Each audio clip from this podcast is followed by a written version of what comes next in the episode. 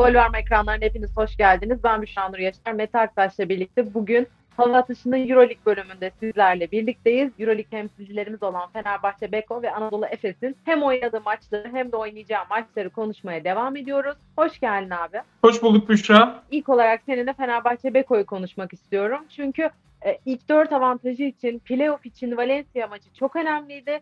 E, ama temsilcimiz e, deplasmanda kaybetti Valencia deplasmanında. Ve burada açıkçası son saniyede gelen ba- basketle de maçın böyle sonuçlanmasının da büyük etkisi vardır. E, ve Fenerbahçe Beko Valencia'ya nasıl 16 hücum reboundu verdi? Maçın içerisinden detayları biraz da senden alalım. Evet tabii çok dramatik bir yenilgi oldu maalesef son saniyede. E, James Webb'in tip basketiyle Valencia kazandı. E, zaten 3 çeyreğde bir sayı önde kapatmıştı Valencia. Fenerbahçe geriden takip etti ama son çeyrekte e, işte maçın o son bölümlerinde Gudur için biraz da işte ilahların yardımıyla attığı o potalı üçlükle maçta dengeyi bulduk ama e, maçın Fenerbahçe açısından en iyi isimlerinden olan Gudur için yine o yaptığı kritik top kaybından sonra son pozisyonda da maalesef oyuncularımız box out yapmayı unutunca ki maç boyunca zaten verdiğimiz senin de bahsettiğin o çok fazla hücum reboundları işte 16 hücum reboundu verdi.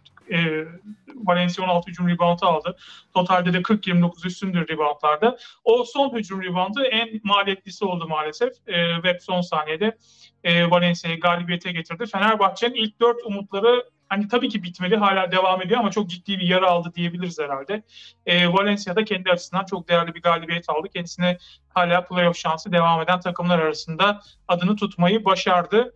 Yani işte bahsettiğim gibi reboundlar maçın kritik noktalarından biriydi. 40-29 Valencia'nın üstünlüğü vardı. 16 tane Fenerbahçe karşısında hücum reboundu aldı.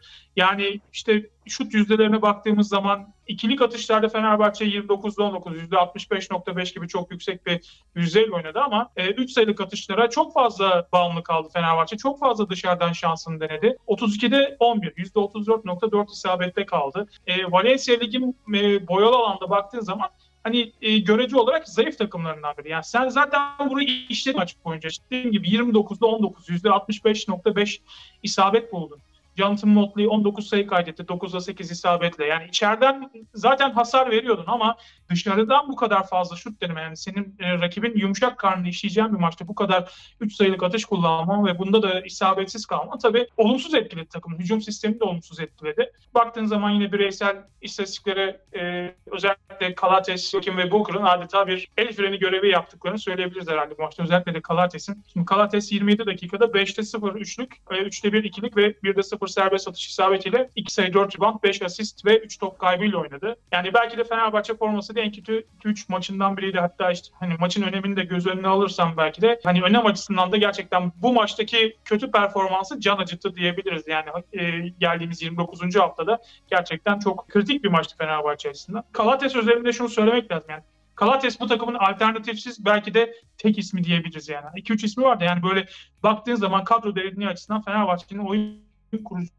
pozisyonunda ciddi bir eksiği var. Yani Kalates dışında işte orayı e, Ituri sezon başından beri son dönemde daha fazla olmak kaydıyla Guduric'le, işte Wilbeck'inle, kimi zaman Edwards'la, sezon başında Şeyh Mus'la, arada İsmet'le yani hep orada bir arayış var. Çünkü orada e, Kalates'in alternatifi yok. Ve o yüzden Kalates kö- kötü oynadığı zaman bile çok fazla ona dayanmak zorunda kalabiliyor. Bu maçta da işte 27 dakika. Neden? Çünkü Kalates'in alternatifi yok. Yani bunu biraz da Ituris kendi tercih açıkçası. Hani transfer döneminde yani hep şu konuşuldu. Yani Fenerbahçe bir garda ihtiyacı var. ikinci bir garda ihtiyacı var. Evet var ama o oyuncunun profili, o ihtiyaç olan gardın profili konusunda hani mesela bir görüş ayrılığı vardı. Mesela ben biraz daha e, rol oyuncusu yani Kalates'in arkasında çok daha rahat oynayabilecek, gerçek pozisyonu mevkisi point guard olabilecek bir oyuncuya ihtiyacı olduğunu düşünüyordum. Belki biraz daha düşük profilli ama Kalates'i gerçekten yedekleyebilecek bir oyuncuya ihtiyacı vardı Fenerbahçe'nin. Ama mesela sezon ortasında daha da uzun vadeli düşünülerek son dönemde biliyorsun Tyler Dorsey Fenerbahçe'ye dahil edildi. Dorsey çok kaliteli bir oyuncu, iyi bir oyuncu ama Fenerbahçe'nin esas bu sezonki point guard eksiğini Fenerbahçe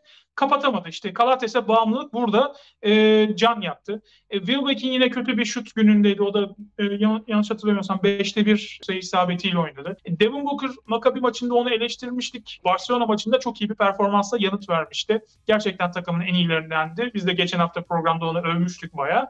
Ama işte e, Booker aynı zamanda istikrarsızlığın e, hani sözlük anlamlarından biri. Hani sözlüğü açıyorsun, istikrarsız diyorsun, karşısında Booker'ın resmi çıkıyor. E, yani bu maçta da yine işte sahada 12 dakika kaldı. Eksi 12 yazdı. Dolayısıyla hani Fenerbahçe bu üç oyuncusundan biraz e, hani el freni vazifesi görürler diyebilirim. Onun dışında yine baktığımız zaman bireysel istatistikte mesela Nigel Hayes 35 dakikada 11 sayı, 6 rebound, 2 asist oynadı. Tyler Dorsey sakatlanana kadar kısa süre aldı 12 sayı, 10 e, sayı kaydetti. İşte Tarık Biberovic bu maçta yine 11 dakika süre aldı. 6 e, sayı kaydetti. O da elinden geleni yaptı bu süreçte. E, Edwards hiç oynamadı, hiç düşünülmedi. Bence tercih edilebilirdi. Özellikle işte baktığın zaman 15 sayıda maçı tamamladı Jared Harper yani rakibinden önemli kısası. Yani ona karşı mesela onun savunmasında bence Edwards biliyorsun fiziği çok sağlam. Böyle bir güreşçi fiziği var. Edwards çok kuvvetli bir oyuncu. Bence biraz savunmada düşünülebilirdi. Yani hücumdan ziyade belki biraz savunmasıyla Jared Harper'ı yavaşlatma açısından kullanılabilirdi ama hiç tercih edilmedi. Yani gerçekten yazık oldu Fenerbahçe e, kazanması gereken bir maçı ve kazanabileceği bir maçı kaybetmesi tabii daha fazla can acıtan faktör oldu. E, dolayısıyla büyük de bir fırsat kaçtı diyebiliriz ilk dört açısından bu yenilgi sonrasında. Bir de Fenerbahçe Beko bu hafta erteleme maçıyla birlikte bir çift maç haftası oynayacak. E, Salı günü rakip Empoli Armani e, ve 6 maçlık bir seriyle geliyor İtalyan ekibi. Onlar da playoff için son kozlarını oynuyorlar aslında. Hani bu Fenerbahçe için bir sorun olur mu? Yani sorundan ziyade Fenerbahçe'ye bir problem çıkartır mı bu takım? Çünkü onlar da yine playoff için var güçleriyle oynayacaklardı. Evet, dediğim gibi e, Olimpia Milano aslında sezonun sezon öncesinde hani Final Four adaylarından biri olarak lanse edilen takımlardan biriydi ama e, hem sakatlıklardan hem de takımın uyumsuzluğundan dolayı kötü gittiler ama e, son 6 maçta yani Real maçındaki deplasmandaki o kritik yenilgiye kadar ondan önceki 6 maçta 6 galibiyet alarak yeniden bir atağa kalkmış vaziyetteler ve playoff için hani şu anda e, orayı zorluyorlar. Artık son şansları, son kurşunlarını oynuyorlar diyebiliriz. Dolayısıyla Fenerbahçe karşısında çok kritik bir maç olacak onlar için de. Onlarda da maalesef bir talihsiz sakatlık var. Tabii bizim için bir avantaj ama hiçbir oyuncunun da tabii sakatlanmasını istemeyiz. Kevin Pangos ki daha önce Fenerbahçe maçında e, İtalya'daki maçta sakatlanmıştı. Bir süre forma giyememişti. Geri döndü yine sakatlandı. Real Madrid maçında bu kez e, karın kasından e, sakatlandı ve iki hafta forma giyemeyecek. Gerçi Shabazz Napier gelmişti onun yokluğunda. Oldukça iyi oynuyor. Billy Barron çok formda. Nicola Melli eski Fenerbahçeli oyuncu o da formda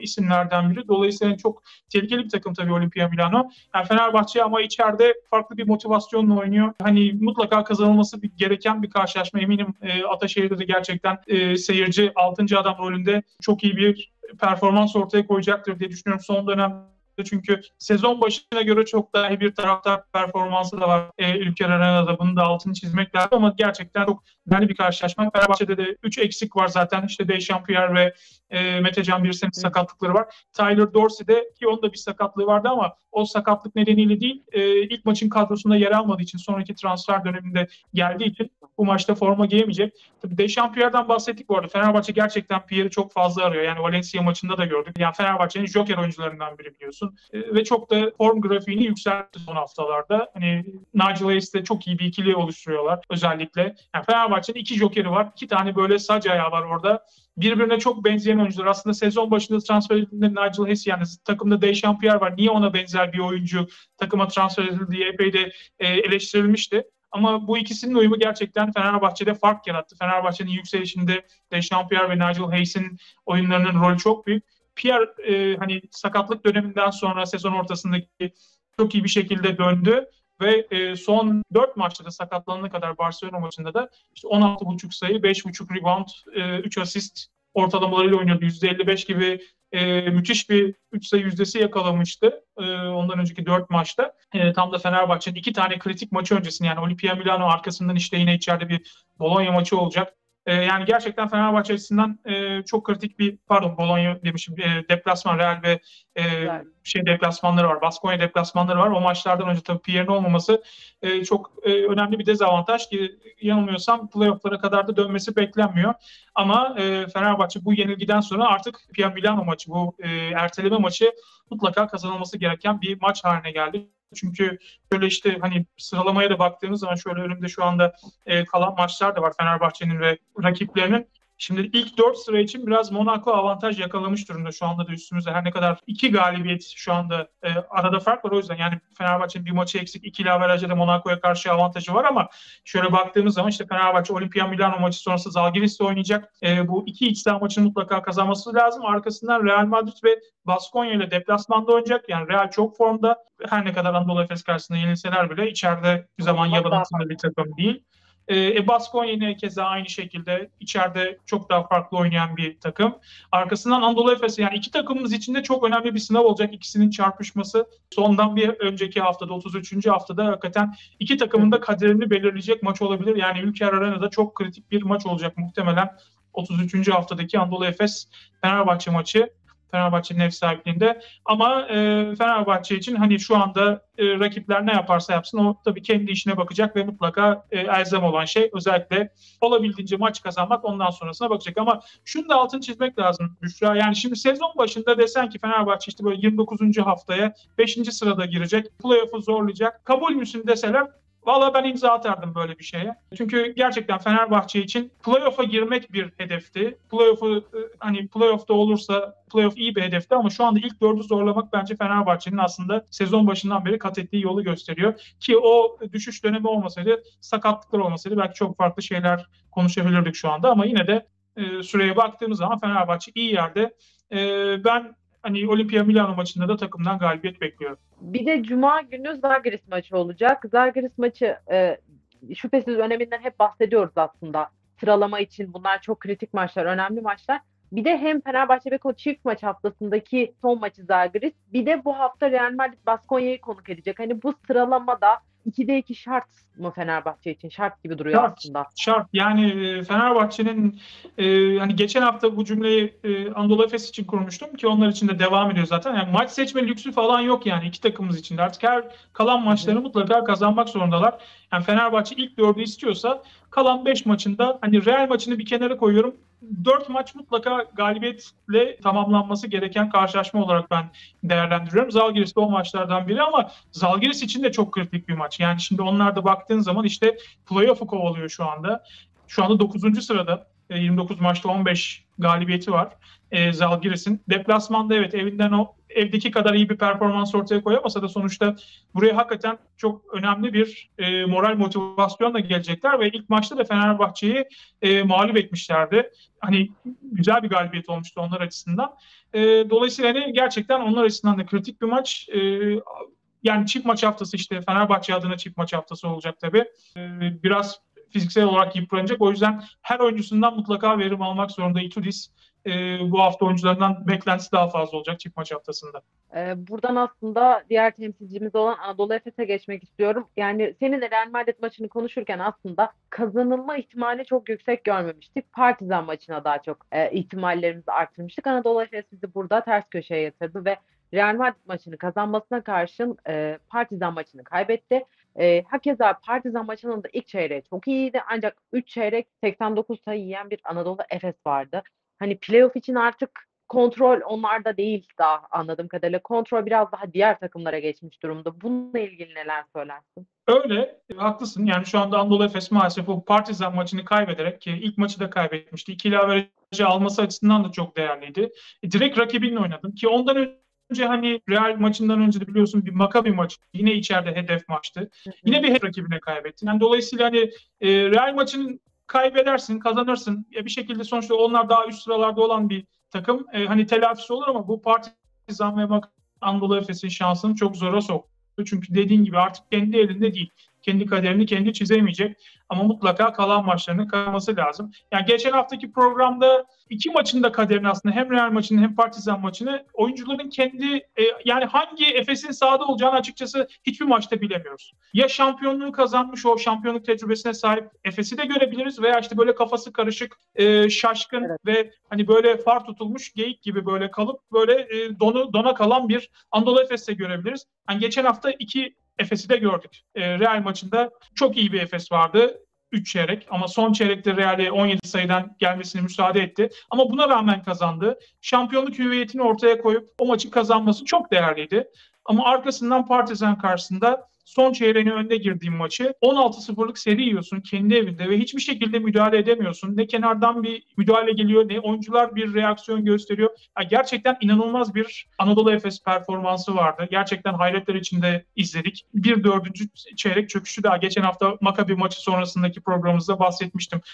Son çeyreklerdeki çöküşleri saymıştım. İşte Kızıl Yıldız maçını, işte Makabi maçı, Asfer maçı. Yani birçok böyle maçı vardı. Bayern maçı, son çeyrek çöküşleri yine onlardan biri oldu. Yani 17 sayı önde olduğu maçı 13 sayıyla kaybediyorsun. 30 sayılık bir e, fark gerçekten e, şampiyon bir takıma yakışmayan bir yenilgi oldu. Hem de sezonun bu kritik döneminde böylesi kritik bir maçta.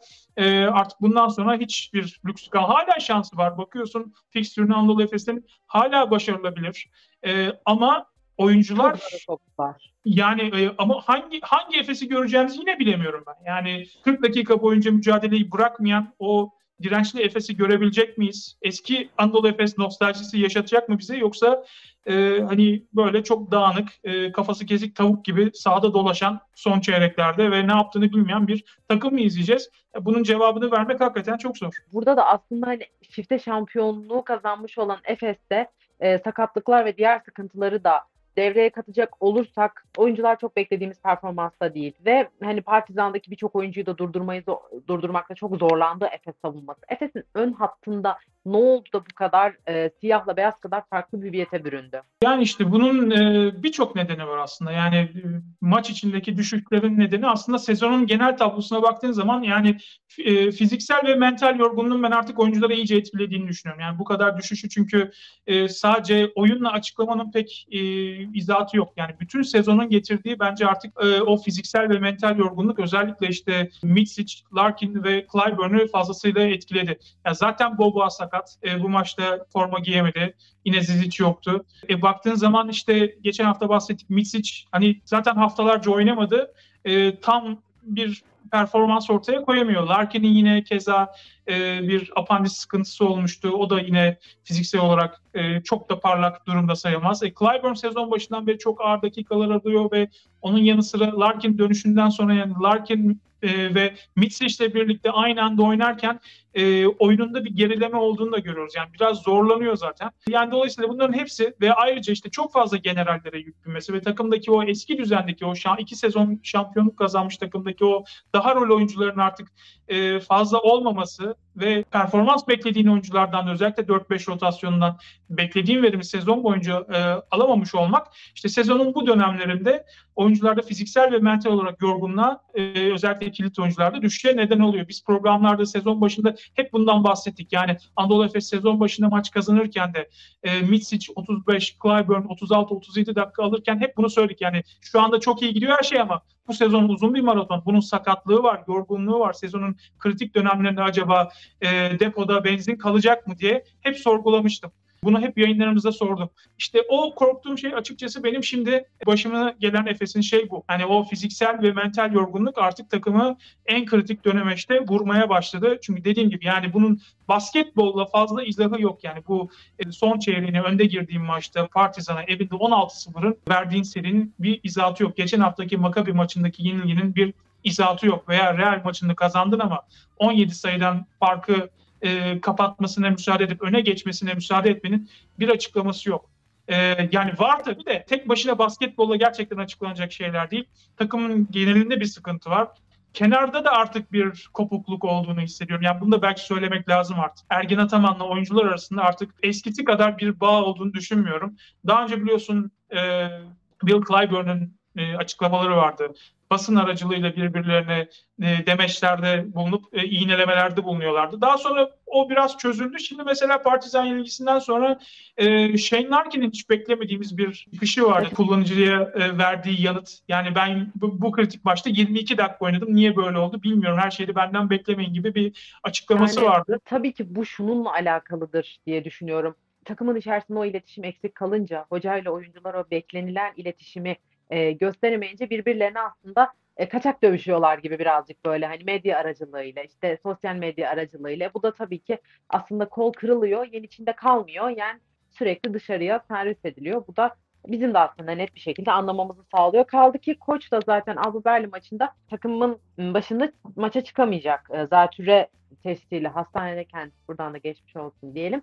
Bu nasıl etkiler sence? Hani bu kadar da ilgili sorun var demişken. Henüz net değil galiba. Ee, Salı günü galiba bir değerlendirme daha yapılacak. Bu arada bir kez daha e, Ergin Ataman'a geçmiş olsun dileyelim hocamıza. Acil şifalar dileyelim. Yani e, şöyle aslında Ergin Ataman sezon her sezon o kadar çok maçtan, oyundan atıldığı şey oluyor ki yardımcısı Yakup Sekizgök zaten takımın çoğu zaman başında kalan bir isim. Son işte bu hastalıktan dolayı son e, lig maçında da Büyükşehir maçında da yine takımın başındaydı. Ben çok bir negatif etki olacağını sanmıyorum yani Ergin Hoca'nın olmamasının bu e, Alba Berlin maçında özellikle. E, yani Yakup Sekizgök takımı çok iyi tanıyan bir antrenör. E, bir yardımcı antrenör ama birçok takımda zaten baş antrenörlük çok rahat yapabilecek bir isim. Çok e, bence çok kalifiye bir e, antrenör. E, o yüzden bir sıkıntı olacağını sanmıyorum Ergin Ataman'ın yokluğunun ama bir an önce tabii Ergin Hoca'nın iyileşip e, sağ kenarındaki yerini almasını da e, istiyoruz. Bir kez daha acil şifalar dileyelim. E, oradan da istersen Alba maçıyla ilgili konuşalım. Yani Alba Berlin zaten artık lige havlu atmış vaziyette. E, sondan ikinci sıradalar. Dolayısıyla hani onlar için tamamen bir prestij maçı. E, hani evinde tabii iyi oynayan bir takım ama biliyorsun e, Türk takımları için Berlin çok deplasman sayılmaz. Her maçta tribünlerde neredeyse daha fazla, daha çok sesi çıkan en azından Türk taraftarı ol- oluyor zaten.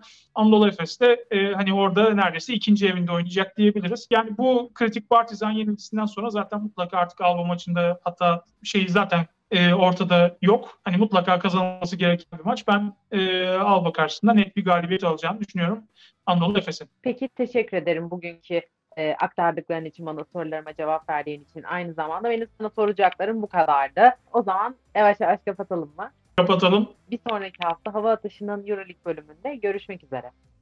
Hoşçakalın.